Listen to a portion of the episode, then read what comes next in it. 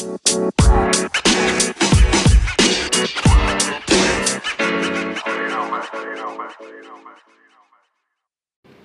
Planı Podcast'ini 43. bölümde tekrar sizlerle birlikteyiz. Et Oyun Planı Pod hesaplarını Instagram, Twitter, Facebook ve YouTube üzerinden takip edebilirsiniz. Hoş geldiniz.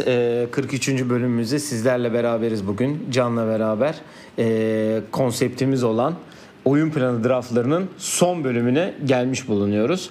Öncelikle haberlerle başlayalım sonra da draftımıza geçeceğiz. Ee, daha bir önceki bölümde de söyledik yoğun bir gündem var. Çünkü bildiğiniz üzere Disney'de e, NBA sezonu devam edecek. Koronavirüsten dolayı iptal olmuştu. Şimdi devam edecek.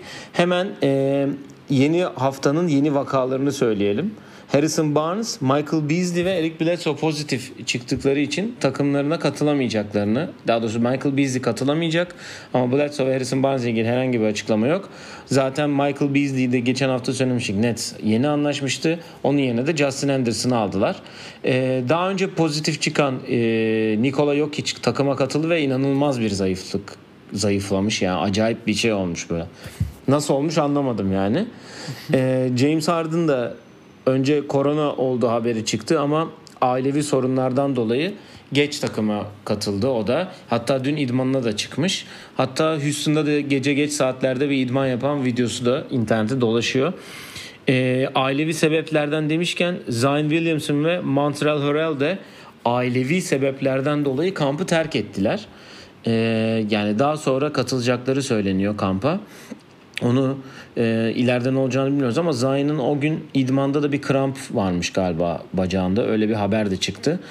E, onun dışında hmm, Drew Holiday ve karısı Lauren Holiday e, game checks'lerine yani maç maçlarda aldığı paraların ya bu da yaklaşık bir 5.3 milyon dolar ediyor.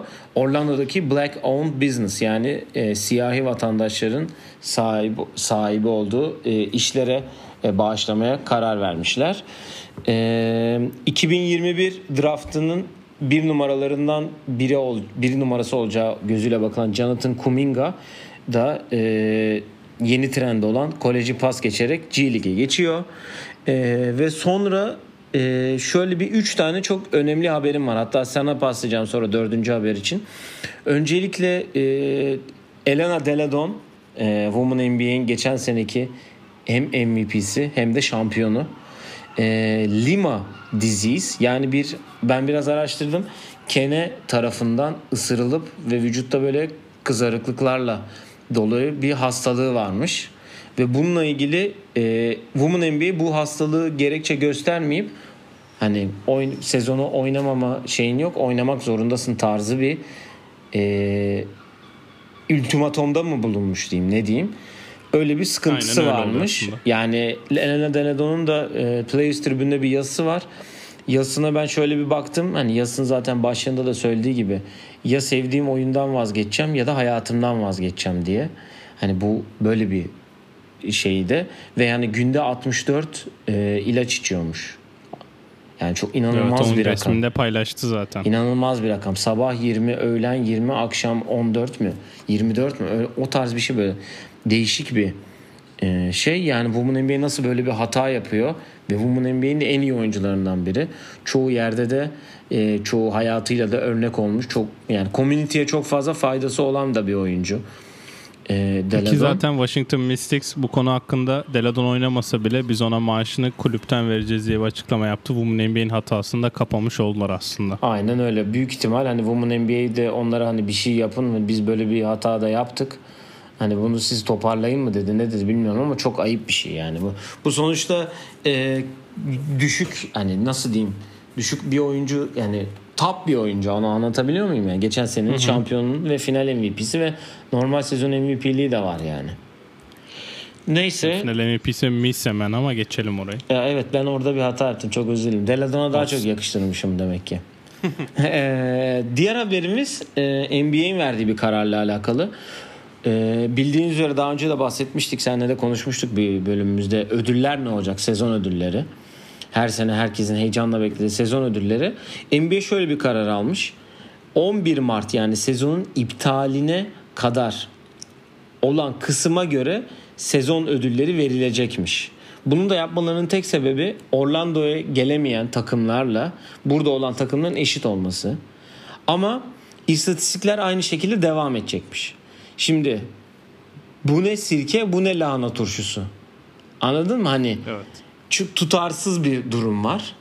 Hani bu nasıl böyle bir şey düşünülebiliyor? Senin Orlando'ya gelemeyen, gelemeyecek takımdan ödül alabilecek bir oyuncu var mı aklında? Ya mesela Bradley Beal'ın All-NBA 3. takımına girme ihtimali var ama şimdi kendisi seçerek gelmiyor. Mesela nasıl bir şey olacak o? Yani hayır ben ben mesela bireysel ödülleri söylüyorum. Sen MVP Zach Lavine'e mi vereceksin ya da Trae Young'a mı vereceksin? Kime vereceksin? Yok. Onları bireysel ödüllerin hiçbirini zaten burada olmayan takımlardan bir oyuncu almaz. Yani onun için bir saçma hani madem bunları sen şey yaptın eşitlik olsun diye e, baba e, sayılar bilmem nereler burada olmayan sen sayı krallığında ilk ona gir bir bak. Yani eminim burada olmayan bir oyuncu vardır. Trae Young 30 sayı ortalamayla oynuyor mesela. Yani mesela anladın? Çok saçma bence. Yani dediğim gibi bu ne sirke bu ne lahana turşusu. Mesleki olarak yaklaştım biraz bu olaya ama. evet. E, yani biz anlayamadık nasıl bir şey olduğunu. E, üçüncü ve benim son vereceğim o senin de yorumunu merak ettiğim e, Chicago Sky e, antrenörü Coco Wade e, uçakla Chicago'dan Florida'ya giderken e, hem uçak e, hostesi tarafından hem de önünde oturan e, kadın tarafından bir ırkçı saldırıya uğramış. Ee, bununla alakalı o da Players tribünde bir yazı yazdı bu arada. Onu girip de okuyabilirsiniz. Ee, yani onlar da Florida'da IMG Akademi'de oynamaya başlayacaklar. Hani ve burada da Chicago Sky oyuncuların çok ciddi bir şekilde e, tepkide verdiklerini gördük. Ee, sen ne düşünüyorsun bu konuda? Ne söylemek istersin? Evet yani zaten e, Amerika'da biliyorsun son dönemlerde bu tür sıkıntılar gittikçe artmaya başladı ve Women NBA koçu olan e, Coco Wade'in yaşadığı bir sıkıntı da ne yazık ki kendisi Players tribünde yazıyla anlatmış oldu. Burada benim dikkatimi çeken şu yazıda önde oturan biri, e, önde oturan kadın, onarıkçılık yapan kadın şey diyor. Sen hayatında hiç herhalde yurt dışına uçmadın tarzı bir yorum yapıyor ki kendisi biliyorsun yani Euroleague şampiyon takımının asistan koçluğunu yapmış bir koç. O yüzden hani biraz değişik insanlar işte tanımadan yargılıyor insanları sadece ten renginden dolayı. O da buna nazaran buna bunun hakkında bir yazı yazmış. Kendisi de çok iyi belirtmiş. İnşallah böyle şeyler daha olmaz ama biz takım olup ki zaten takımın da ona çok destek olduğunu ve oyuncuların bayağı arkasında durduğunu da belirtiyor yazıda. Hı hı. Deyip benim bir haberim var. Hemen ona geçeyim. Bu arada Bu biraz şunu bir e, söyleyeyim. Ben hemen geçen hafta bölümlerde bahsettik. Şimdi de söyleyelim kesinleşti. Kalin işte Valencia'ya imza attı bu arada. Bilmiyorum Hı, senin evet. haberin var mı? Evet. Çünkü onu konuştuk, onu evet, söyledik. Evet. Ee, neyse Kalinic'e e, gidiyormuş. Hatta Andrew ha, yok pardon çok affedersin o yanlış bir haber oldu. Devam edebiliriz. Buyurun. Andrew Goodluck onu ben de gördüm de fake habermiş. Ona evet, ben de inanmadım ben de, değil şimdi, ya. hani şimdi görüyorum ben de Twitter'da aşağı doğru indikçe böyle haber ne haberde neler var şeyler diye aşağı indikçe onu gördüm. Sonra hesabın içine girince zaten anlaşıldı. Evet hesabı çalmış. Neyse benim haberim aslında geçen hafta Brian Windsor'un Windhorst'un bir tane podcast'inde dinlediğim konuyla alakalı ki kendisi de bayağı kaygılı bu konuda.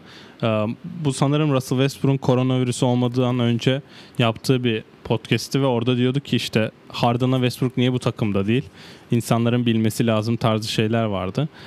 Ve o böyle anlattıkça ben diyordum acaba niye bu kadar söyleniyor? Yani insanlar gelmiyorsa gelmiyor işte. Hasta olan varsa söylemiyor da koronası, koronası pozitif çıkan varsa söylemiyor diye ama sonra o da açıklıyor ki Adam Silver'ın işte bu gambling yani iddia oynama konusunda biliyorsun yeni yasalar Amerika'da çok çıkmaya başladı ve artık iddia oynamak hani yasa dışı değil artık Amerika'da oynanabilecek hale geldi. Biliyorsun hı hı. eskiden sadece Las Vegas'ta oynanıyordu. Hı hı. Şimdi artık internet üzerinden ya, ya da işte Daily Fantasy dedikleri işte bu FanDuel başka isim şu an hatırlayamadım ama işte FanDuel üzerinden oynanan işte Daily Fantasy'ler falan vardı. O da diyordu ki Adam Silver böyle şeyler yapmak istiyor ama bizim bilmediğimiz şeyler var ve insanlar sonuçta kendi paralarını yatırıyor.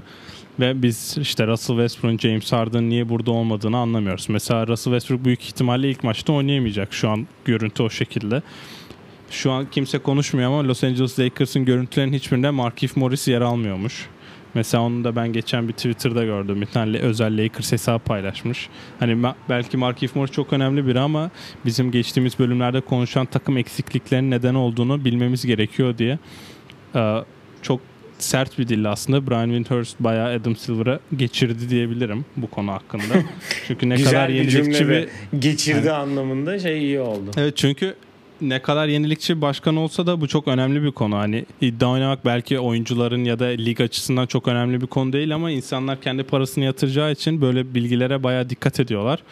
Ve eğer bu iş le- legal olduysa yani yasa dışı değilse ve insanlar oynayabiliyorsa onların da sen benim paramı çöpe attırıyorsun tarzı şeyler diye karşılaşabilirler diyor. Yani insanlardan bir tepkiyle karşılaşabilirler dedi.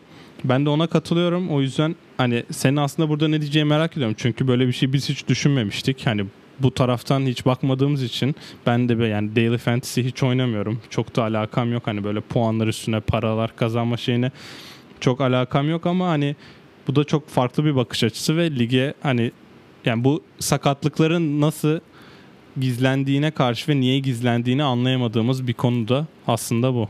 Yani acaba sen de zaten e, geçen gün hem Zayn'ı söyledim hem de Montreal Harald'ı söyledikten sonra sen dün konuştuğumuzda acaba korona mı oluyorlar dedin sen direkt mesela. Ya Montreal Herald'ın anneannesi hastaymış bu arada. Yani ben ya bu kadar olabileceğini zannetmiyorum. Yani hani nasıl diyeyim Ee, saklamak ya çünkü orada birini saklamak yani bu geç söylenmelerini ben anlamıyorum mesela. Russell Westbrook da katılmadı geç söyledi. Bir anda Harrison Barnes çıktı. Michael Beasley uzun bir süre sonra bir anda mı korona oldu mesela? Bazı takımlar niye geç gitti? Hatta bak geçen bölüm seninle konuştuğumuz e, şeyler vardı. E, Denver'lı oyuncular. E abi bunlardan haber yok hala. Niye hala Evet. katılmadılar? Hani Gary Harris, Evet. Michael Porter Jr. ve şey Torrey Craig.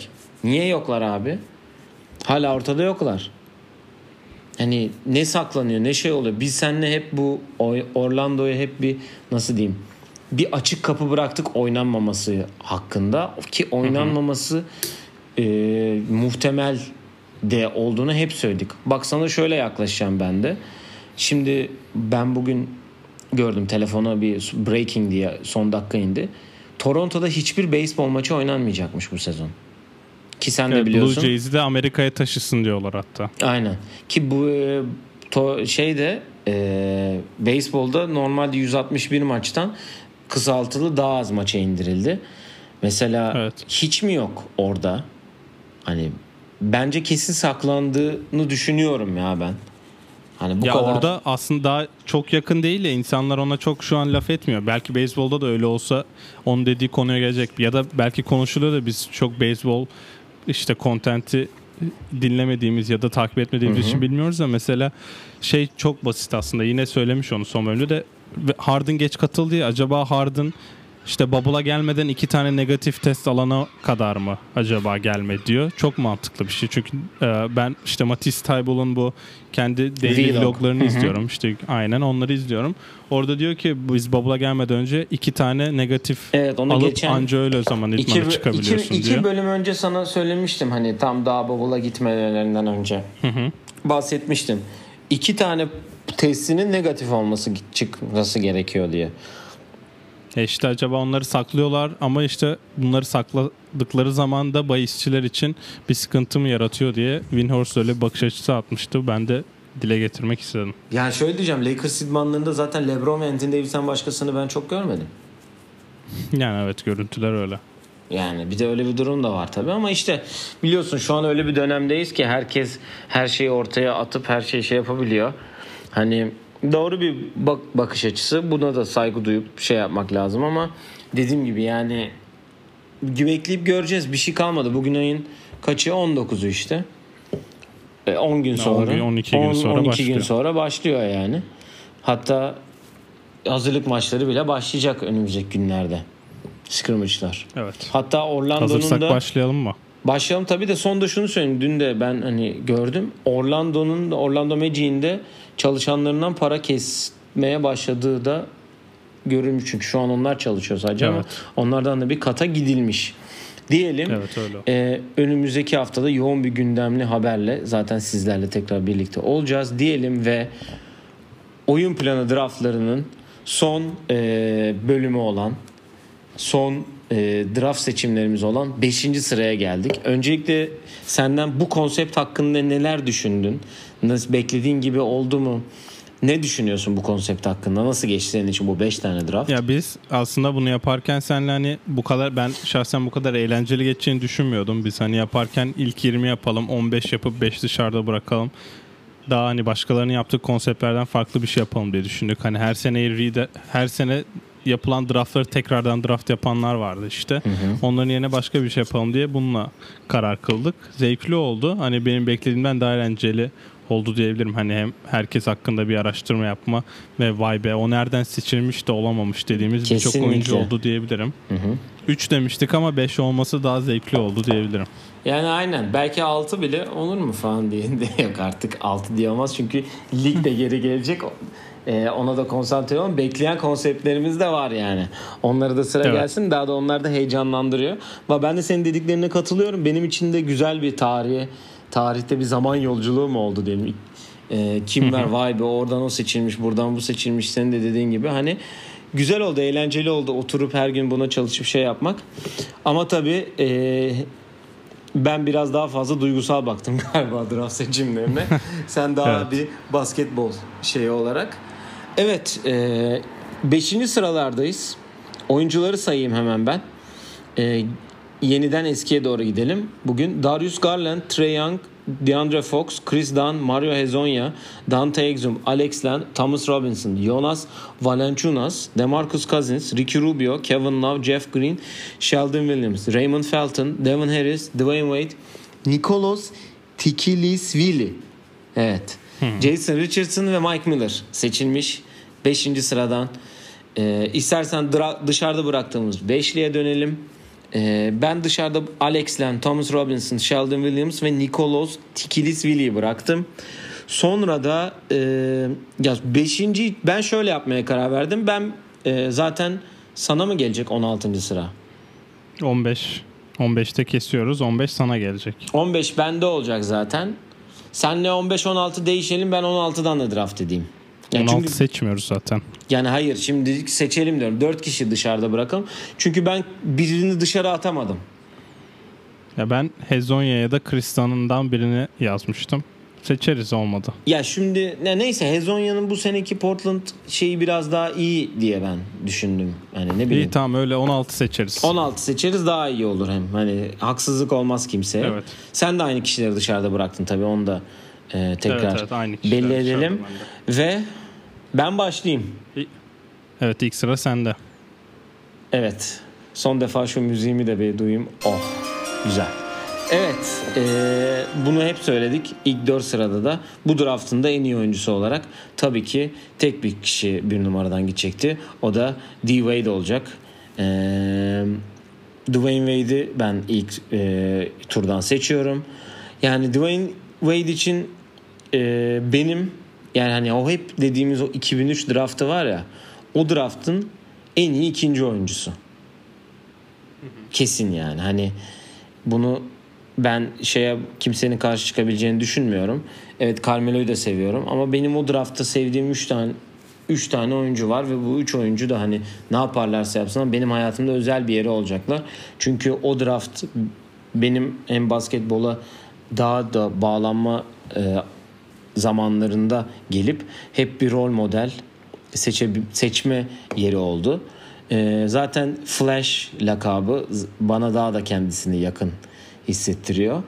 Ya zaten 2006'daki şampiyonluğu onu herkesten daha farklı bir seviyeye koydu. LeBron'dan daha önce şampiyon olması tabii ki de. Hatta Evet. LeBron'dan daha önce NBA finalinde oynaması. Evet. Yani e, sen o şampiyonluğun şaibeli olduğunu düşünürsün ama e, benim de o finalde Wade'in giydiği Converse ayakkabılarım vardı hatırlarsın. E, sadece fo- atılan foul sayısında bir tık değişmeler vardı ama olsun. Yani hak etti. E, LeBron geldikten sonra rolü düştü. Buna hiçbir zaman e, karşı çıkmadı. Chicago'suna döndü. Bir ara bir Cleveland yaptı. Ben tam tişörtünü aldım. Cleveland'dan ayrıldı falan. Bu tarz şeyleri oldu ama e, Dwayne Wade bu draftta bir numarayı kesinlikle olmayı hak ediyor. Hatta ileride de zaten Hall of Fame olacaktır. Ben kendisini e, basketbol dışı, sağ dışındaki yaptıklarıyla da e, çok takdir ediyorum. Özellikle hem oğullarına hatta hem oğluna hem kızına hem de küçük kızına çok e, büyük özellikle Zaya ile ilgili e, yaptık ve ona olan desteği gerçekten takdir edilesi bir e, seviyede. Evet ben de zaten hani Wade sadece ilk şampiyonu kazansa bile bu listenin başında gelir diye düşünüyorum. Wade'in herhalde en çok unuttuğumuz performansı 2008 olimpiyatlarındaki performansıdır diye düşünüyorum. Orada genelde daha çok bench'ten gelen ve o takımın enerji kaynağı olan bir Wade'ti ki kendisi de o Wade'in inanılmaz formda olduğunu söylüyor ne zaman bir video düştü Twitter'a. Dediklerini zaten yeteri kadar kariyerini özetliyor. Hani LeBron geldiğinde ilk sene bir tık sıkıntı yaşadılar. İkisi de süperstar olmaya çalıştı ama ben rolümü LeBron'a bıraktım ve biz başarılı olduk diyor kendisi de. Ve zaten geçen sene de basketi bırakarak Çok da eğlenceli bir kişilik ama. Aynı zamanda. Aynen öyle. Deyip ben iki numaraya geçiyorum. Sanırım bu şimdi sırada yapacağım bir seçim. Bu yaptığımız draftlarda gerçi senin Zion seçiminden sonra diyeceğim. En değişik seçim olacak. Ben iki numaradan Trey Young'ı alıyorum. Güzel. Güzel. Kendisi aslında benim hani izlerken öyle çok keyif almadığım bir oyuncu. Hani ben daha biliyorsun point kartlarda playmaker hani daha daha sonra burada da geleceğimiz Rubio tarzı oyunculara da seviyorum izlemeyi ama Trae Young hani bu sene 30 sayı ve 10 asist ortalamayla oynuyor. Ki bu ikinci yıl ve bir All-Star yapmış. All-Star da zaten bu sene oldu hatırlıyorsunuz. Hı hı. Benim tek sıkıntım Trae Young'la ilgili. Ee, Trae Young'ı Steph Curry'e çok benzetenler var. Evet oyun stili Trae Young'ın Steph Curry'e benziyor ama e, Trae Young'ın kariyer üçlükleri geçen sene %32 ve bu sene %36 ile attı üçlük. üçlük. Yani 30 sayı ortalamayla oynamasına rağmen evet benziyor diyebiliriz ama Steph Curry'nin kariyerinde en düşük yüzdeli üçlük attığı sezon %41. Onu da söylemek istiyorum. O da Durant'in geldiği ilk sene. Yani arada cidden bir seviye farkı var. Hani Trae ne kadar iyi bir şütör olması hani Steph Curry ile bence karşılaştırılamaz ama oyun olarak cidden benziyorlar. Şu an hani başarı olarak belki önümüzdeki 2-3 sene bir başarıya ulaşamayacak olabilir takım olarak ama hani e, hani DeMarcus Cousins ve Kevin Love ikisi de beşer, dörder, beşer kere All-Star olmuş. Trae Young herhalde bir 10 sene All-Star olur diye düşünüyorum. Çünkü Doğu'nun da hani point kartı biliyorsun bayağı zayıf bir Sıkıntılı point kartı bir durumdalar var. evet. Başarı olarak da yanına illa e, işte Clay Thompson, Draymond Green tarzı iki tane çok iyi oyuncu olmadan başarılı olabileceğini düşünmüyorum ama bu kişilerin de ben bu arada Atlanta'da bulunan oyuncuların hiçbiri olduğunu olduğunu düşünüyorum. Hani onlarla birlikte bir playoff başarısına ulaşamayacaktır. Ya takım değişmesi lazım ya da oraya bir tane süperstar gelmesi lazım diyorum. Demarcus Cousins'in bir sonraki durağı orası olur mu peki? Şimdi Yok, Demarcus Cousins'in adı önümde duruyor ya onun için. ya ben Trae Young'la ilgili şunu söyleyeceğim. Trae Young e, yani ben so, Oklahoma'daki Oklahoma Üniversitesi'ndeki son senesini daha yakından takip etme Zaten ilk fırsatı. senesi. Aynen daha yakından e, takip etme şansı yakalamıştım zaten 2018'de. 17-18 sezonunda. Ee, yani tersten triple double'ı var bir kere. Bir izlediğim maçta onu yapmıştı 10 top kaybıyla. Hani benim çok benim de çok sevdiğim ve beğendiğim tarzda değil. Babam çok sever biliyorsun. Benim adamım der. Bu çok dayak yer falan dedi. Hatta ki bu sene Trevor bacak arası atarken dayağı yemişti zaten. Yani dediğin her şeye katılıyorum onunla ilgili. Ben biraz daha e, tercihlerini e, Damian Lillard'a benzetiyorum şut anlamında.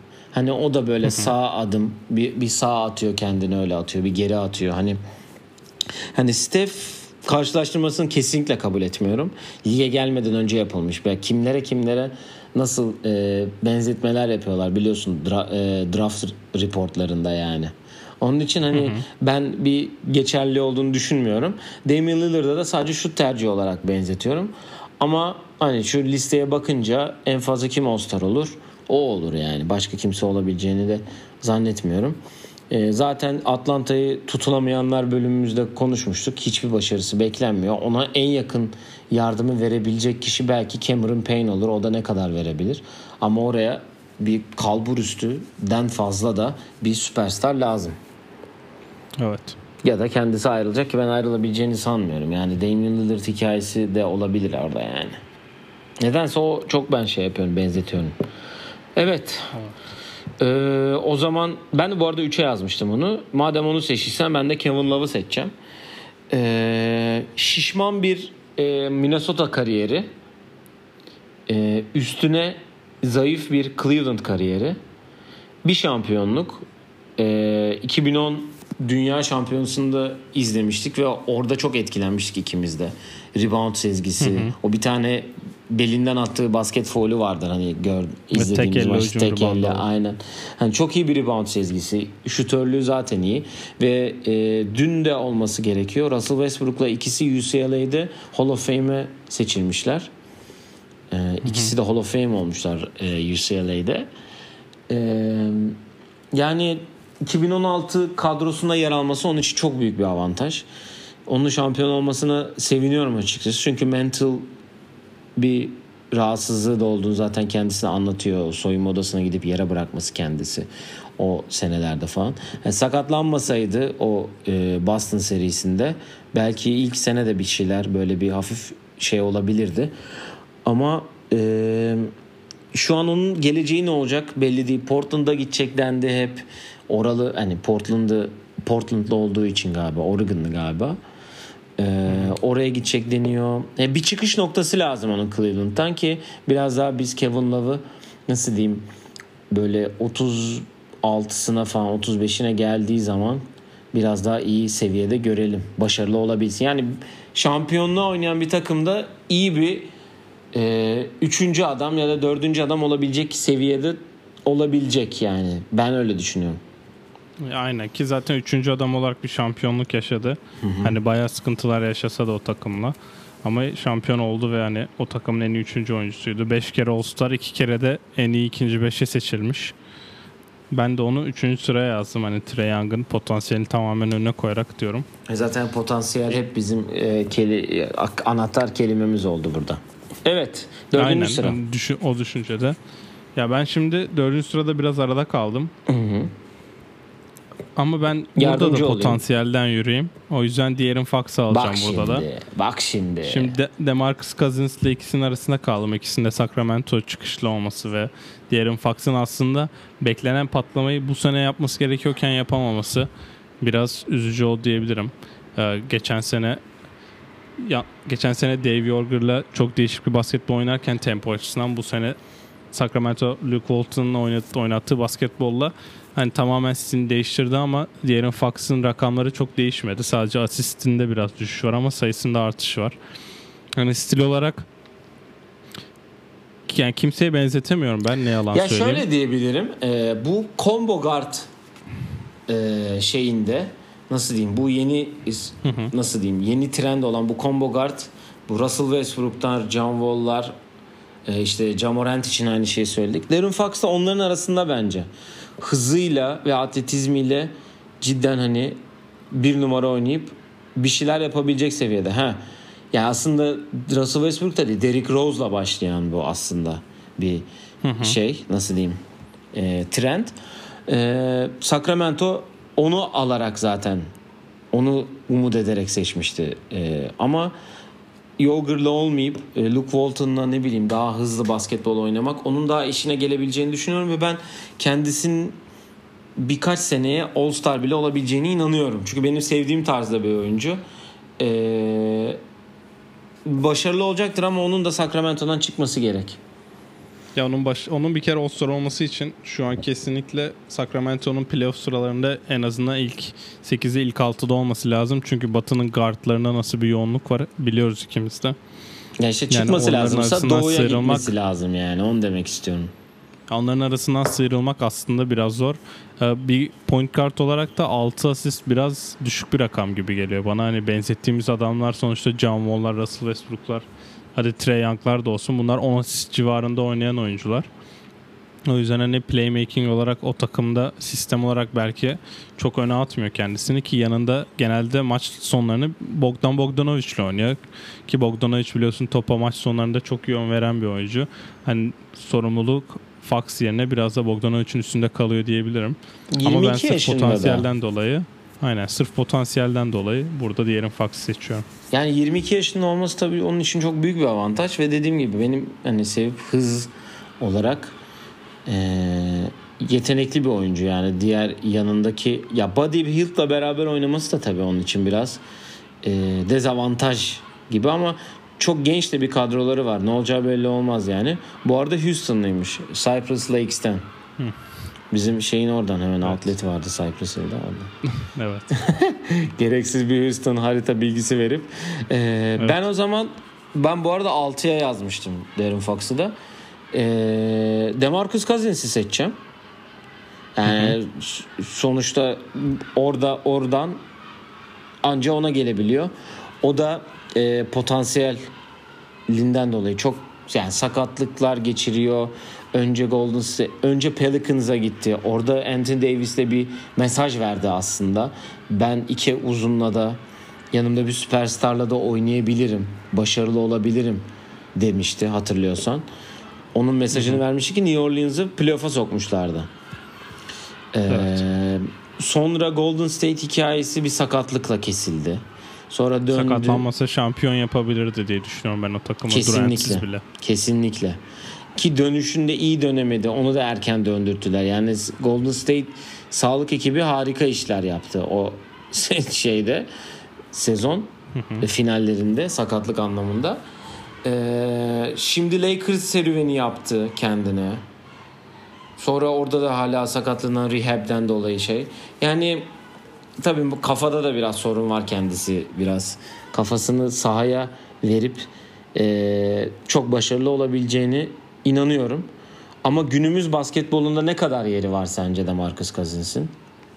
Yani çok kalmamaya başladı. İşte kaldığı senelerde de sakatlıkla boğuştu. Onu demek istiyorum. O kendini adını gösterdiği New Orleans senesinden sonra o pozisyon aşağı doğru indikçe DeMarcus Cousins ise sakatlıklarıyla beraber aşağı indi zaten. Aynen öyle.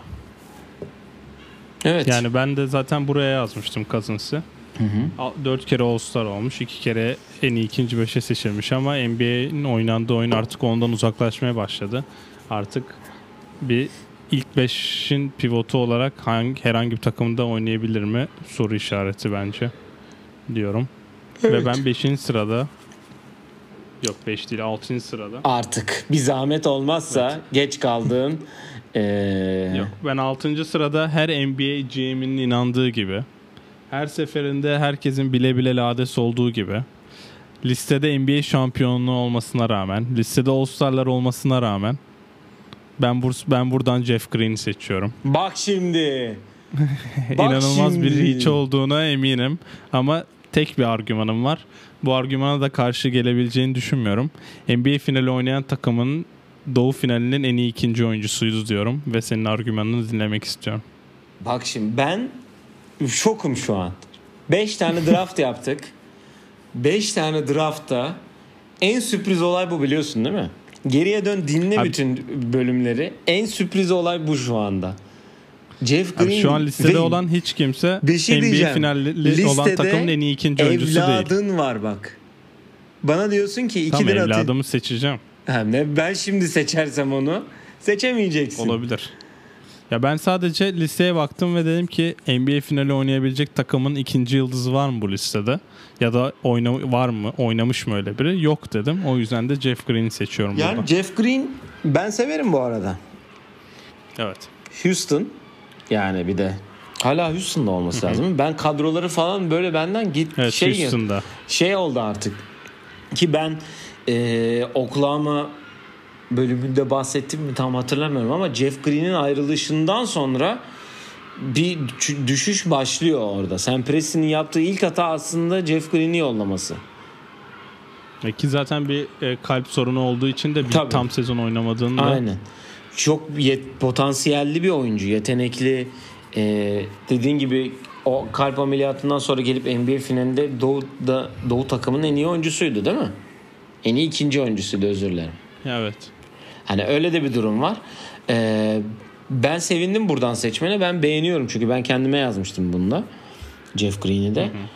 Ee, olma yani ayrılmasaydı eğer Durant ve Russell Westbrook'un yanında ve Harden da vardı tabii o takımda.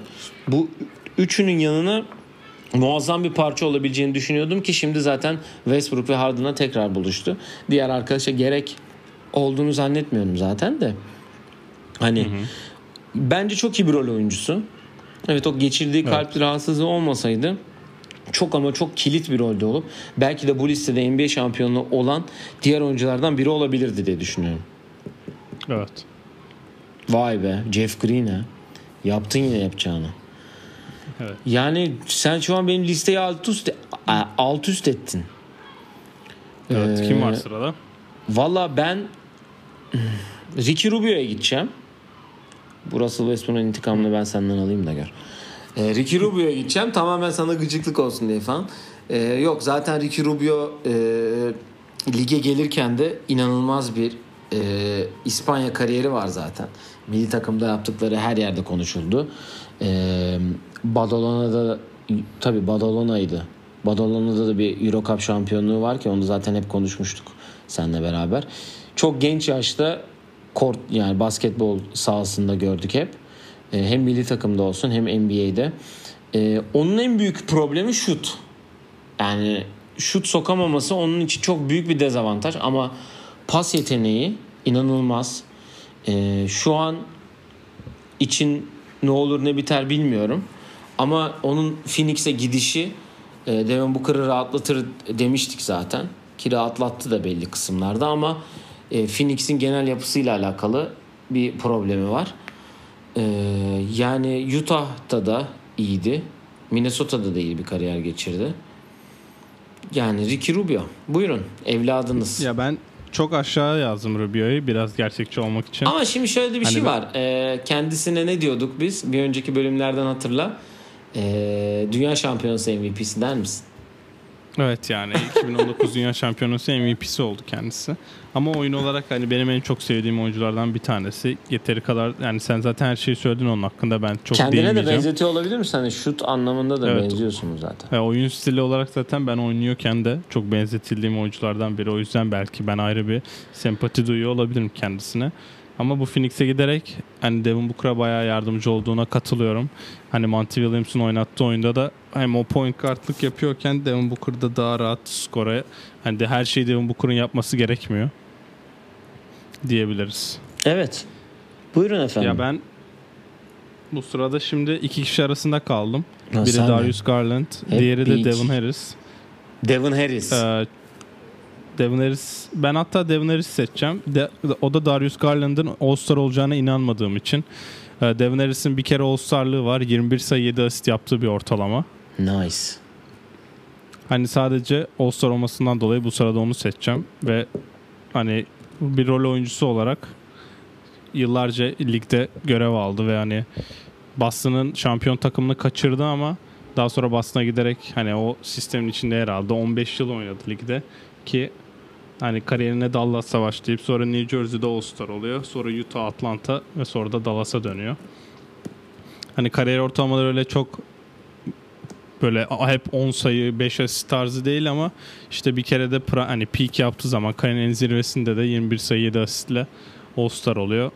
O yüzden de Devin Harris'i buradan seçiyorum ben. Peki Wisconsin'li olmasının herhangi bir şey var mı yoksa tamamıyla... Ya bir yarım bir yarım puan verdim yarım oradan. Puan. Tamam o zaman. Memleketten diyorsun. Evet. Doğru. Ee, ve şaşırtıcı seçimlerin hala devam ediyor. Diyelim ben 9. sıradayız. Değil mi? Evet 9'dayız. Madem Darius Garland dedin Darius Garland'ı seçiyorum ben. Ee, potansiyel olarak e, yani en yeni oyuncu o zaten. Rookie senesinde çok fazla bir şey veremedi. Zaten eksik de maç oynadılar. Belki bazı e, rookie'ler çünkü sezonun son kısmında yani Mart Nisan gibi vitesi açıp bir sonraki sezon için özellikle şimdi Cleveland örneğini vereceğim ama düşük e, takımlarda hani alt sıra takımlarında Hı-hı. bu Mart Nisan aylarını çok iyi geçirip önümüzdeki sezon için e, ışık veriyor bazı oyuncular ki kontrat alabilmek için biraz da aslında sıkıyorlar kendilerini de diyebiliriz. Ondan ben potansiyeline de güvendiğim için ama tabii şimdi Cleveland'da ne kadar e, olacak orada bir soru işareti var çünkü çok serseri dolu. Yani bu kadar evet. serseriye gerek var mı? Biz seninle hazırlık maçını izlemeye gittiğimizde aslında hani Colin Sexton'lar, Kevin Porter'lar, işte Darius Garland. Yani topu 3-4 tane daha top getirelim. Herkes getirsin topları. Öyle oynayalım yani. Bizim bizim evet. çocuk var zaten. Hani evet. Kevin Love olsun, Tristan Thompson'ı ki o zaman Jordan Clarkson da daha e, Cleveland'daydı. Düşün. Evet. Sen de Darius Garland hakkında bir şey söylemek istiyor musun? Yani Colin Sexton'la birlikte olmayacaklar diye düşünüyorum. Ben ikisi de hani aynı pozisyonu oynayıp topa çok hakim olmak isteyen oyuncular. Bu draftta da Cleveland biraz yukarıdan seçecek. Acaba hangi yöne gidecekler onu ben merak ediyorum. Bir guard daha almayı versinler artık. Bilmiyorum işte bakacağız hani onların seçim sırasına göre nasıl bir gelecek sürecekler onu da göreceğiz diyorum. 10. seçime geçiyorum. Lottery picklerimizin sonu. Yani bizim lottery'mizin o. Evet. Ee, ben buradan yine iki kişi arasındayım emekli olmuş ama ben Mike Miller'ı seçeceğim buradan. Peki. İki kere NBA şampiyonu. Yılın çaylağı en iyi 6. adam ödülü. 1032 NBA maçına çıkmış ve kariyer üçlük orta üçlük yüzdesi yüzde 40. Zaten hani ilk NBA'de geçirdiği ilk yıllardan sonraki o yıllarda da hani skor anlamında hani 15 sayı ortalama yaptığı sezonlar var. Hatta 18 sayı, 16 sayı yaptığı sezonlar var. Daha sonra sadece hani şutör olarak ligde kalmaya devam etti ki şu an oynasa belki hani yetişebilse diyeyim ya da vücudu ele, el verseydi biraz daha kalıp sadece üçlük yüzdesinden dolayı hala para kazanabilecek bir durumda olabilirdi diye düşünüyorum. Benim dikkatimi çeken en büyük özelliği ise bir saniye demin karşımdaydı. Tekrar o sayfayı bulmaya çalışıyorum. Ee, kendisi Miami ile şampiyon olduğu iki senede iki sezonda yani playofflarda %41 ve %44 ile üçlük yüzdesi sağlamış. Yani bu bayağı çok iyi ilginç ve önemli bir rakam. Çünkü hani fi, finallerde olması lazım. Çorapla üçlük bulduğu aynen finalde hani Hı-hı. maç kazandırmışlığı var ve bu takımın en önemli 8. oyuncusu falanken yani. Canımızı yakmıştı çok... Oklahoma serisinde.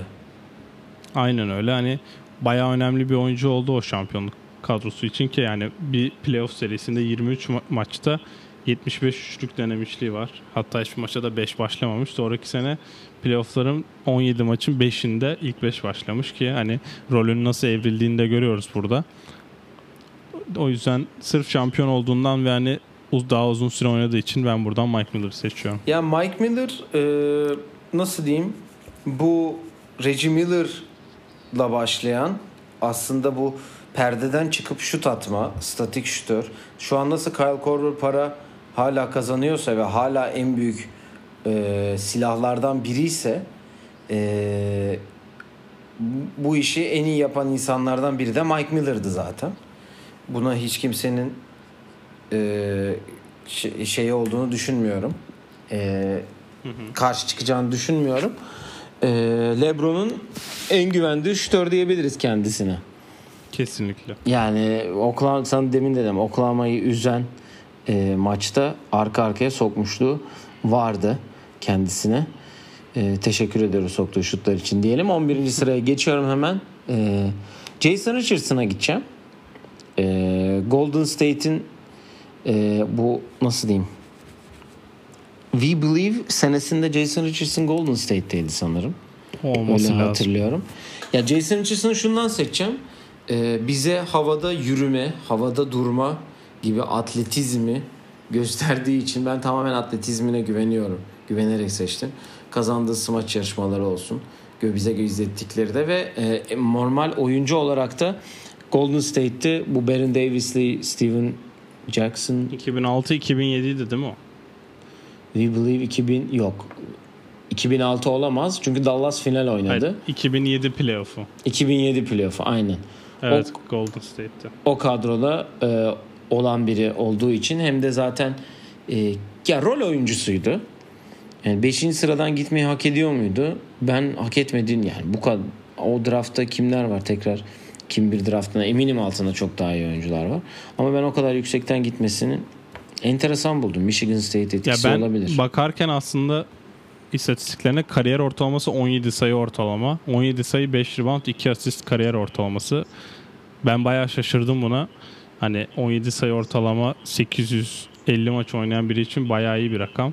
Ama işte Golden State'te senin de dediğin gibi arka arkaya 21 sayı 23 sayı ortalamaları var. Hani smaç yapmaktan çok sadece o dönemlerde sadece sayı atmakla yükümlü olan iki numaralardan biriydi. Hani Jordan'la birlikte 2001 yılında lige giriyor. Herhalde her takımda da biz sayı atanın iki numarayı bulalım da hani Jordan'ın yani başlattığı bir şeyi biz de sürdürelim diye böyle oyuncular alıp onların üstüne yatırım yaptılar diye düşünüyorum. O da bunlardan biriydi. Hı hı. Ki o sayede de işte kariyer ortalaması da demin dediğim gibi 17 sayı ortalama. Evet. Buyurunuz. Jason Richardson'dan sonra ben ben Jonas Valanciunas'ı seçiyorum burada. Çok şükür gitti. Kariyer ortalaması 12 sayı 9 rebound. Hani nereye yazacağımı çok bilemediğim oyunculardan biri bu listede aslında. Hani Toronto ile o barajı geçemeyen takımın bir parçası olarak belki efsaneleşti kendisi. Hı hı. Hani artık bundan sonra onda DeMarcus Cousins için dediklerimizin hepsini Valanciunas için de söyleyebiliriz. Bir takımın backup center olarak artık sadece süre bulabileceğini düşünüyorum. Çünkü atletizminden bayağı uzaklaşan bir oyuncu o da. O yüzden kısa keseceğim yani hani Valanciunas belki potansiyel olarak ilk geldiğinde çok farklı çok farklı şeyler bize hani düşündürdü ama o NBA o yöne gitmedi. O yöne gitse belki Valanciunas cidden çok önemli bir oyuncu olabilirdi ama oyun tam tersine gitti. O yüzden Valanciunas da artık sadece belki mini bir rol oyuncusu olarak devam edecek. Yani Valanciunas sen dediğin gibi Toronto bölümümüzde zaten kendisinden bahsettik. Yani Toronto'yu haritaya sokan, haritada yer belirlemesi gereken kadronun en kilit oyuncularından biri ki iyi oynadığı maçlarda çok fazla vardır. Hatta ona yüzük verilecek mi, verilmeli falan filan diye konuşmalar da yapıldı. Onun için sen zaten her şeyi güzel olarak açıkladın. Ben Raymond Felton'a gidiyorum bir sonraki seçim için. Ee, yani Raymond Felton'la ilgili aklımda kalan en e, derin şey Carmelo takasında hep bir yerlerde olması. O Carmelo'nun New York takasında da var. Zaten onu da izlemiştik senle de hatırlıyorsan. Ee, Denver'a geçiyor sonra falan diye. Hani sonra da Oklahoma seneleri zaten ama Oklahoma'da o bir türlü o istenilen şeyi veremedi. Hani yani o kadar kötü bir planlama yapılmış ki Russell Westbrook'un backup'ı Raymond Felton. Yani Evet.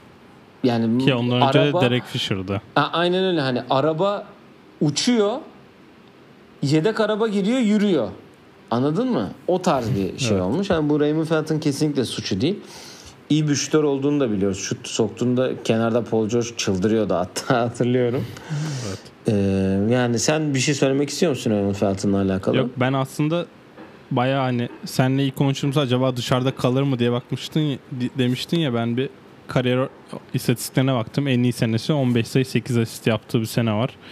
Bir tane de playoff serisinin tek seri oynamasına rağmen 15 sayı 4 rebound 4 asistle geçmiş. Ki New York'ta Amare Ben- ile iyi bir connection'ları da vardı yani. Aynen ki ben de buraya yazmıştım. Ve sanırım şimdi e, 14. sıra Şimdi şöyle lazım. bir durum var. Önümüzde 4 tane 3 tane oyuncu kaldı.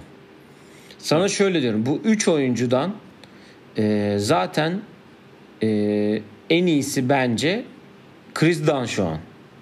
Potansiyel olarak Evet. bakıyorum. Ki buradan Evet. seçilmesine inanılmaz çok yer etkisi yaratmıştı Chris Dunn hatırla. Hatır, ha, aynen ha, o an diyecektim. Hatırlıyor musun? Biz e, Boston 3'ten Jalen Brown'u seçmişti. Biz nasıl olur Kristan'ı olur seçecekler Chris diye bayağı konuşmuştuk. Aynen öyle. Yani Chris Dunn istersen seçsen. Ben sonra Hezonya'yı Öyle alayım. yapalım. En sona da Exum'u bırakalım. Evet Exum yani sakatlık yaşadığından dolayı çok e, katkı yapamadı diyebiliriz. Şimdi Cleveland'da yavaş yavaş hani sen de dediğin gibi o, o sistemde biraz rol bulmaya başlıyor ama uzun süre çok sakatlığından dolayı yani NBA'de son oynadığı maçları söylüyorum. 19-20'de 35 maç, 18-19'da 42 maç, 17-18'de 14 maç oynayabilmiş. Ki ben yani sana- 100 maç etmiyor. Hı hı. Şunu söyleyeceğim onunla alakalı. 17-18'de oynadığı maçlar büyük ihtimal playoff'tur. E, çünkü Utah Houston serisinde sahadaydı ve problem yaratıyordu. Hatta Harden'ı tutma konusunda bayağı başarılı olan oyunculardan biri değil miydi? İkinci ya, maç kazanılmasında önemli bir e, etkisi vardı zaten. Evet. Şimdi playoff'ta oynamış 10 maç o sene. Hı hı. Aynen hatırlıyorum çünkü kendisini. Ya Exum rol olarak hani işte demin de bahsettiğimiz gibi böyle o tarz konularda hani sahaya atarsın oynayabilir ki şimdi bakıyorum aynen 15 dakika ortalamayla oynamış. İlk 4 maçta son maçta inaktifmiş. Hı hı. Ee, aynen kazanılan maçta artı 10 hatta. Ya şöyle Exum aslında demin hani Raymond Felton'ı şey dedik hatırlıyorsan hani Russell Westbrook'un backup'ı Raymond Felton nasıl olur? Mesela Exum bir türlü olabilir. Anladın mı? Evet. Çünkü atlet, hızlı top getiriyor. Hani daha böyle nasıl diyeyim? Biraz daha yakın olabilecek bir backup aslında olabilir. Atıyorum Kyrie Irving'in backup'ı olabilir bence. Ha, hani... Evet yani ama işte biraz sağlıklı kalması lazım. Ha, aynen bir takımına öyle. Ben sağlıklı back, yani direkt backup olarak düşündüm. güvenmesi için. Hı, aynen öyle. Evet. O zaman sen onu dedin. Exum, sen e, Hezonya ya ben Hezonya hakkında çok bir şey düşünmüyorum ne yalan söyleyeyim. Ya Hezonya Orlando kariyeri bir hype'la başladı. Bir hype'landılar, hype'landılar. Sonra kayboldu. Yok ortada. Nerede? Avrupa'ya mı dönüyor? Haberleri çıktı. Hatta Avrupa'ya dönsün şey olsun falan. En son Portland'a gitti. Hatta 44 numarayı giyiyor Portland'da da. Ya ee, yani evet insanlar hiç onu o kadar inanmışken işte o senin dediğin gibi hype'lanmışken yani Hiçbir şey takımdan şey ayrıldı. New York'a gitti. Hani New York'a gitti. Belki biraz oynamaya başladı. Sonra Portland'a gitti ve artık üstünden hype almak o kadar kolay ki o daha da kendisine sorumluluk yükleyip gidip 44 numaraya aldı yani. Ya Tam ama şöyle hani... bir şey var. Hani Portland'da iş yapar. Niye yapar? Çünkü zaten onun yapması gereken şey enerji katmak, atletizm getirmek, kenardan bir hareket getirmek. Zaten orada CJ ile Dame zaten o işi yapıyorlar. Hani sayıyı atıyorlar bilmem ne yapıyorlar. Hasan Whiteside de var. Carmelo da şu anda orada. Hani o ya Bubble'da işini rolü artabilir yeter. aslında. Arta kesinlikle. Ve Bubble için ben Portland için bir önceki bölümlerde ne dediğimi hatırlamıyorum ama Portland ciddi bir şekilde eğer playoff yaparsa eğer sorun çıkartabilecek seviyede olduğunu düşünüyorum ki Nurkic ile Zach Collins de e, sağlıklıymış. Onu da Terry Stotts'a verdik ama tabii Terry Stotts faktörünü de unutmamamız lazım. Charles Barkley gibi Lakers elerler demiyorsun yani. Yok demiyorum. Yani ama Charles yani, Barkley öyle dedi de 8'den girerse Lakers eler dedi Portland Biliyorum için. onu ben o talihsiz açıklamayı duydum. Ama hani evet. 4-0 olmaz. Bence de ama önce girsinler sonra evet, değerlendirmemizi sonra yaparız. Yani Chris Dunn kaldı zaten en son. Hani Chris Dunn'ı demin de söyledik. Hepimiz şaşırmıştık.